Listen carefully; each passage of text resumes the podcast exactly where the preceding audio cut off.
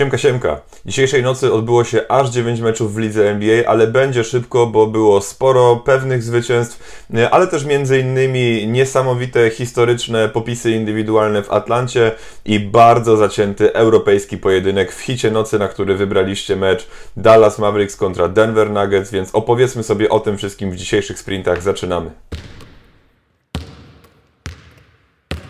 Wydawało się, że rakiety będą miały łatwą przeprawę w Atlancie, bo choć nie było Westbrooka, to James Harden już w pierwszej połowie zdobył 29 punktów i 9 asyst, ale Jastrzębie miały inne plany, powalczyły jeszcze trochę w drugiej połowie, głównie za sprawą świetnego Treya Younga, który notuje 42 punkty, 13 zbiórek i 10 asyst. Y, ostatecznie to Houston wygrywa, bo James Harden notuje 41 oczek, 10 asyst, 10 zbiórek, 3 bloki i 2 przechwyty i jest to pierwszy raz w historii NBA, kiedy dwóch zawodników z przeciwnych drużyn notuje triple-double z co najmniej 40 punktami. W hicie nocy Dallas Mavericks zagrali bez Kristapsa Porzingisa, a Denver Nuggets bez Paula Millsapa i Willa Bartona, ale to nie przeszkodziło obydwu drużynom w stworzeniu świetnego, wyrównanego widowiska. Praktycznie cały mecz oglądaliśmy walkę kosz za kosz i wynik na styku.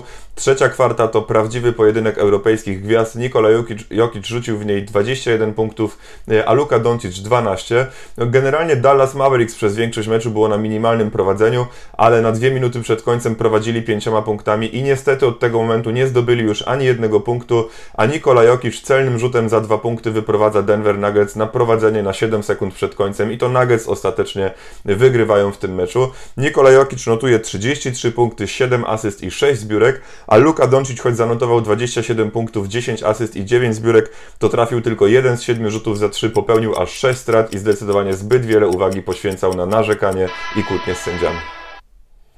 W pozostałych meczach dzisiejszej nocy San Antonio Spurs wygrywają zaskakująco łatwo w Bostonie z miejscowymi Celtics 129 do 114, a DeMar DeRozan zdobywa 30 punktów, 6 zbiórek i 4 asysty.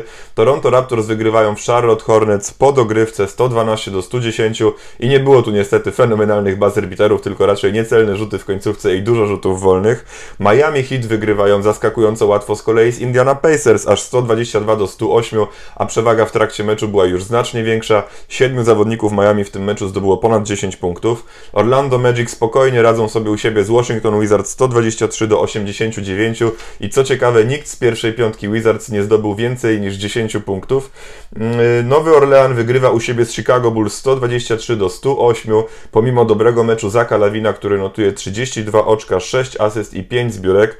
Utah Jazz wygrywa pewnie u siebie z New York Knicks 128 do 104 i aż 8 zawodników zdobywa co najmniej 10 oczek. To jest siódme zwycięstwo z rzędu dla Juty, która pnie się w tabeli konferencji zachodniej, już ma dwa mecze przewagi nad Dallas Mavericks i Milwaukee Bucks łatwo radzą sobie w San Francisco z Golden State Warriors 107 do 98. Janis Antetokounmpo klasycznie zdobywa 30 punktów i 13 zbiórek. To tyle jeżeli chodzi o dzisiejszą noc. Pięknie Wam dziękuję za uwagę.